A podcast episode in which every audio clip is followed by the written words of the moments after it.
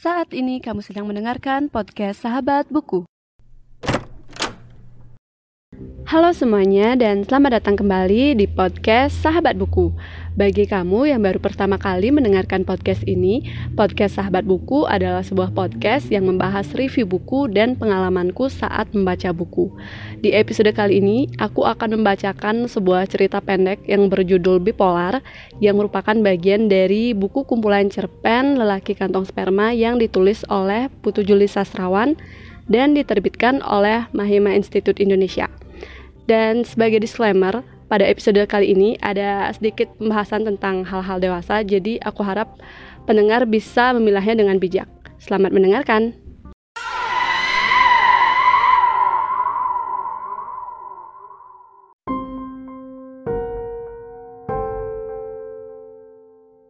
Langit tahu persis apa yang aku rasakan selama 17 tahun ini. Aku terlahir sebagai seorang laki-laki keenam di keluarga ini. Karena kerap dianggap merepotkan dan menjadi petaka di keluarga, bapak memperlakukan aku amat berbeda. Bapakku menginginkan anak perempuan, tapi Tuhan yang mereka percaya selama ini menghendakinya berbeda.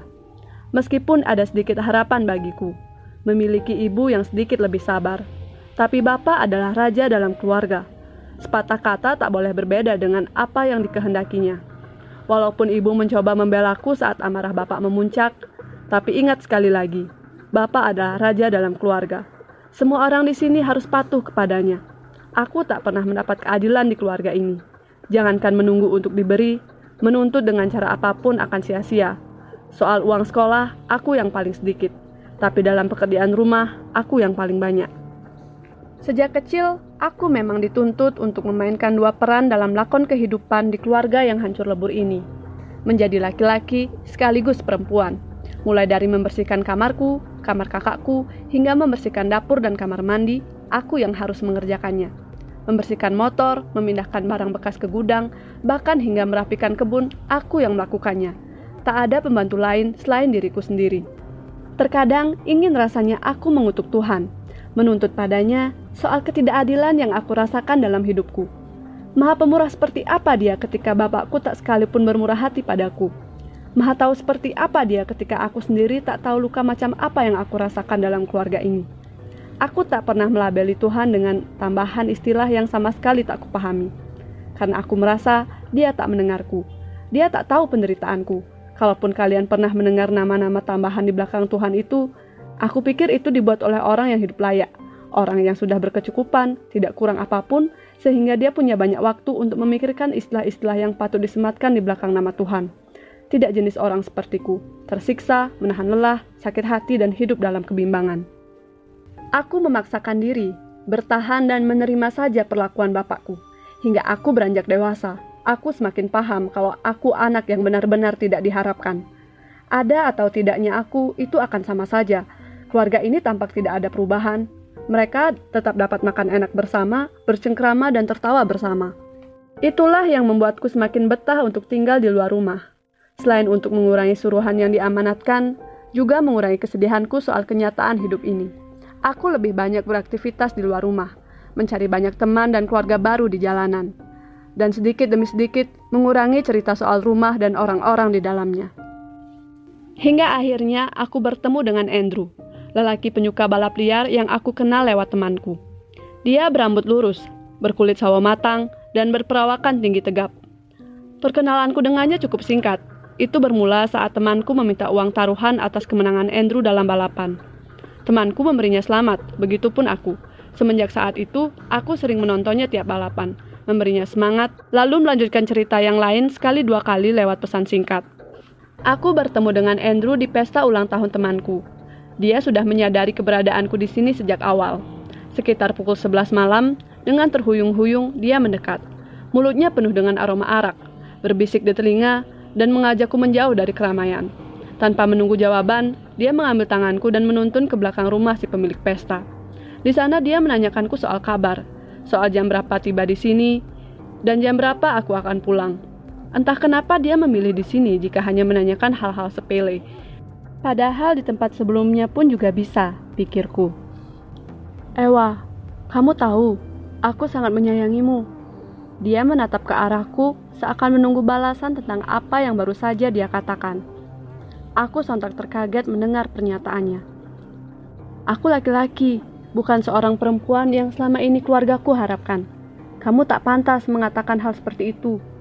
Aku menjawab dengan nada datar, tanpa sedikit pun menoleh ke arahnya. Dia berhenti menatapku, mengeluarkan sebatang rokok, dan menyalakannya. Suara musik disko terdengar samar-samar. Asap rokok mulai mengepul, sedangkan aku menunggu pernyataan dan pertanyaan apa lagi yang akan dilontarkan pria di sebelahku. Di awal perjumpaan, dia memang sempat menyinggung perihal perasaannya denganku, tapi aku tak pernah menanggapinya dengan serius. Sejauh ini memang belum pernah aku memikirkan soal pasangan. Jadi pernyataan yang dilontarkan Andrew aku anggap hanya sebagai guyonan pertemanan. Namun meskipun begitu, aku selalu percaya pada waktu Cinta dan harapan selalu berpundak pada waktu. Dialah bukti setiap usaha-usaha manusia. Begitupun dengan kedua orang tuaku. Waktu yang akan menunjukkan bahwa aku terlahir tidak sia-sia, seperti apa yang selama ini dia pikirkan. Ya, aku tahu itu. Gofar sudah menceritakan semua. Asal kamu tahu saja, aku tidak menyukai perempuan. Sejak pengalaman terburuk itu menimpaku. Dia menghisap rokoknya dengan dalam. Perempuan yang sangat aku sayang pergi begitu saja selepas tabrakan empat tahun lalu. Jauh sebelum itu, orang tuaku juga bercerai akibat perusahaan ayahku yang bangkrut. Ia terkena stroke dan tanpa perasaan mama meninggalkannya untuk laki-laki lain. Sejak saat itu, aku tak lagi mulai percaya apa yang dikatakan perempuan. Setiap kata-kata yang dilontarkan pasti akan aku anggap bualan. Mereka memilih laki-laki hanya untuk satu dua alasan yang juga baik untuknya. Aku pikir laki-laki lebih setia pada kata-kata dan perbuatan. Ya, tapi bapakku tidak termasuk laki-laki versimu. Dia tidak menanggapi apa yang baru saja aku katakan. Kini aku menyadari kenapa dia mengajakku ke tempat ini. Aku tahu kamu laki-laki, itu kenapa aku memilihmu. Tapi Ndru, tapi apalagi? Kalau perasaan ini melebihi sayangku kepada perempuan, apakah aku salah? Otak manusia sudah banyak yang salah. Menganggap apa yang tidak biasa adalah salah. Mereka selalu berkeyakinan kalau laki-laki sudah sepantasnya dengan perempuan. Persetan jika laki-laki dan perempuan itu tidak saling menyayangi. Selama laki-laki masih berpasangan dengan perempuan, itu normal dan itu benar. Jika ada laki-laki berpasangan dengan laki-laki, itu salah, itu dosa, dan patut untuk dinyahkan. Apa kamu juga berpikiran seperti itu? Tapi Ndru, dia melemparkan satu tangannya dan memeluk leherku. Dibuangnya sebatang rokok yang baru saja dia nyalakan.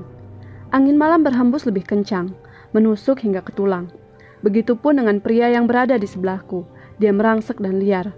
Dalam kendali minuman keras, dia mulai tak terkontrol, menggerayangi setiap lekuk tubuhku. Mendekatkan mulutnya yang penuh dengan aroma arak dan asap rokok itu ke leherku. Aku hanya diam dan bertahan tidak membalas. Entah benar atau tidak, kejadian ini mengingatkanku pada seseorang yang pernah mengatakan kalau orang mabuk rata-rata bicara jujur, ketimbang saat dalam keadaan normal. Ah, tapi itu kata seseorang yang sudah tua, tidak selamanya orang tua berkata jujur. Kadang mereka berbohong hanya untuk membuat kita menurut. Antar aku ke kamar di sana. Dia menunjuk kamar di sudut rumah pemilik pesta. Kepalaku sudah sangat pusing. Aku menggopongnya mengarah ke kamar yang sudah dia tunjukkan. Satu dua orang melihat aku dan Andrew sedang terhuyung-huyung. Pikir mereka pasti tak akan jauh-jauh dari mabuk dan alkohol yang berlebihan. Pemandangan normal dalam sebuah pesta. Aku mendorong pintu kamar, Tampak tak ada orang di sana. Kamar tampak rapi, spraynya terlihat kencang dan baru. Pada meja hanya ada pot bunga kecil dan sekotak tisu. Kamar ini memang diperuntukkan untuk para tamu. Tampak dari ukurannya yang kecil dan tak banyaknya barang-barang. Seketika Andrew melemparkan tubuhnya di atas kasur. Satu persatu dilepasnya sepatu yang menempel pada kakinya. Menelantarkannya begitu saja. Tanpa melepas kaos kaki, dia langsung mengguling dan menggeliatkan tubuhnya. Entah kamu percaya atau tidak, aku sudah mengatakan sejujurnya. Lehernya berminyak oleh keringat. Satu kancing baju bagian atas kemejanya terlepas. Bajunya tampak basah oleh keringat. Sambil matanya terpejam, dia menggulingkan lagi badannya dan kini menatap langit-langit kamar. Aku duduk di pinggir kasur, melepas kemeja yang dia kenakan. Tubuh atletisnya tampak begitu menonjol. Aku mulai menyeka bagian tubuhnya yang penuh dengan keringat. Matanya sedikit terbuka, memeluk dan memaksaku untuk membuka kancing baju kemeja yang aku pakai. Tangannya menggerayang ke dada dan rambutku dan sesekali dia mengusap pipiku. Kamu adalah satu-satunya orang yang aku perlakukan berbeda. Dia meraba leherku dan kembali mengelus rambutku, mengarahkan bibirnya ke leherku, sembari tangan kanannya meraba kemaluanku. Buka jeansmu, pintanya, tapi aku sama sekali tak menghiraukannya. Dia mengulangi hal yang sama dan membuka ikat pinggangku. Buka! Dijilatnya leher, dada, hingga pusarku. Aku terdiam karena tak ada yang mampu aku katakan. Dia menarik ujung celanaku dan melemparkannya tepat di sebelah kasur. Seketika ia meraba bola kemaluanku dan mengulumnya. Dia menatap ke arahku sembari menyodorkan dua jarinya tepat di depan mulutku. Dimasukkannya dua jari tersebut dan memaksaku untuk mengisapnya. Dia benar-benar liar. Tanpa arahan, dia membuka setiap pakaian yang masih melekat di tubuhnya, menggenggam kemaluanku dan mengarahkan ke lubang pantatnya. Aku tak kuat menahan geli yang mengocok tubuh. Kedua tanganku bertalian dengan rambutnya dan sesekali menariknya agar tak mengulum terlalu dalam. Matanya terpejam bagai tertimpa seribu kenikmatan. Kami tenggelam dalam samar-samarnya musik pesta, menikmati setiap gerak yang kami lakukan, hingga akhirnya terlelap dalam hasrat yang membabi buta. Semenjak kejadian itu, tak pernah lagi aku punya niatan untuk pulang. Aku lebih memilih tinggal bersama Andrew, pria yang mencintaiku sebenar-benarnya dan senyata-nyatanya. Aku kerap makan bersama, menggunakan bajunya, bercerita, menemaninya minum arak, dan bersetubuh setelahnya. Sekarang aku sudah menciptakan kebahagiaanku sendiri. Tak satupun orang mampu mengekang pilihan maupun jalan hidup yang aku pilih. Bram, Ewa, kamu di mana? Sudah berminggu-minggu kamu nggak pulang. Ibu lagi sakit. Kamu nggak ada niat untuk pulang menanyakan kabarnya. Kakak pertamaku mengirimkan sebuah pesan singkat. Aku sedang tidak ingin pulang. Persetan. Peduli apa aku dengan orang sakit? Biar mampus kalian pun aku tak akan peduli. Aku begini juga semua akibat mereka. Masih melekat betul di ingatanku apa yang dikatakan bapakku. Entah menjual diri atau pekerjaan apa pun yang kamu ambil nanti, aku tak pernah peduli lagi, katanya waktu itu. Kata-kata itu menghasilkan torehan luka yang begitu menyakitkan dalam hidupku. Sampai kapan pun aku tak akan meminta-minta pada lelaki itu, meski dalam keadaan sekarat sekalipun. Terdengar suara Andrew dari balik pintu kamar mandi. Aku tak begitu jelas bisa mendengarnya. Suara air keran dalam kamar mandi ukuran sempit itu begitu mengganggu, apalagi ditambah suara TV yang berada di volume 60. Aku mengambil remote TV, mengecilkan volumenya sembari menunggu hingga dia keluar dan menjelaskan apa yang baru saja dia katakan. Gemuruh air pada bak mandi sudah berhenti. Berselang beberapa menit, dia pun keluar sembari menggosok-gosok rambutnya yang basah. Kamu bilang apa tadi, En? Tanyaku langsung. Gak kedengeran ya? Gak lah, kalau denger aku gak nanya lagi. Ya elah, serius amat hidup. Jangan serius-serius lah hidup, katanya sembari tertawa mengejek.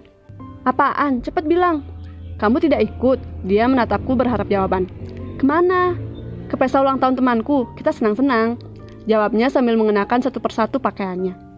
Dia tidak begitu rumit kalau pergi ke mana-mana, cukup kemeja, jeans, dan sepatu. Aku sedang tidak enak badan, kamu berangkatnya sendiri dulu ya. Kok gitu? Iya, aku takut kalau-kalau nanti mabuk dan merepotkanmu. Mendengar jawabanku, gelak tawa langsung keluar dari mulutnya. Kok ketawa? Apanya yang lucu? Gak kenapa sayang, iya santai aja. Aku ngerti kok. Istirahat dulu kalau gitu ya. Aku berangkat sekarang. Nanti jangan lupa kunci pintunya.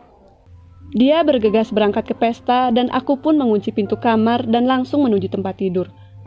Pukul 3.15 AM. Aku terbangun, menatap ke arah jam. Lebih lama, lebih lama untuk memastikan jamnya. Andrew belum juga pulang. Biasanya dia akan berkabar jika akan pulang terlambat. Mungkin dia terlewat mabuk, sampai tak kuat untuk sekedar berkabar. Bram, Ewa cepat pulang, ibu masuk rumah sakit akibat serangan jantung. Ewa, sekarang ibu di mana?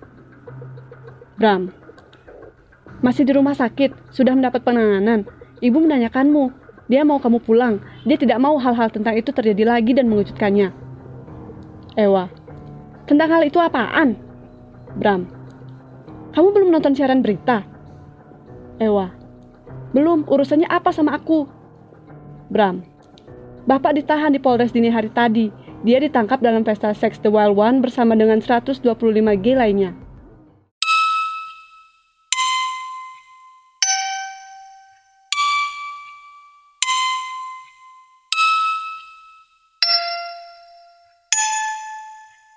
Sekian untuk pembacaan cerita pendek kali ini. Aku mohon maaf jika ada salah-salah kata. Dan jika kamu ingin berbagi pendapatmu tentang cerpen ini, bisa langsung menuju YouTube, Instagram, atau Twitter podcast Sahabat Buku dan sampaikan di kolom komentar. Kamu juga bisa mendukung podcast Sahabat Buku melalui link karyakarsa.com yang ada di deskripsi. Dan jangan lupa untuk membagikan episode kali ini di media sosial kamu ya. Terima kasih telah mendengarkan dan sampai jumpa di episode selanjutnya.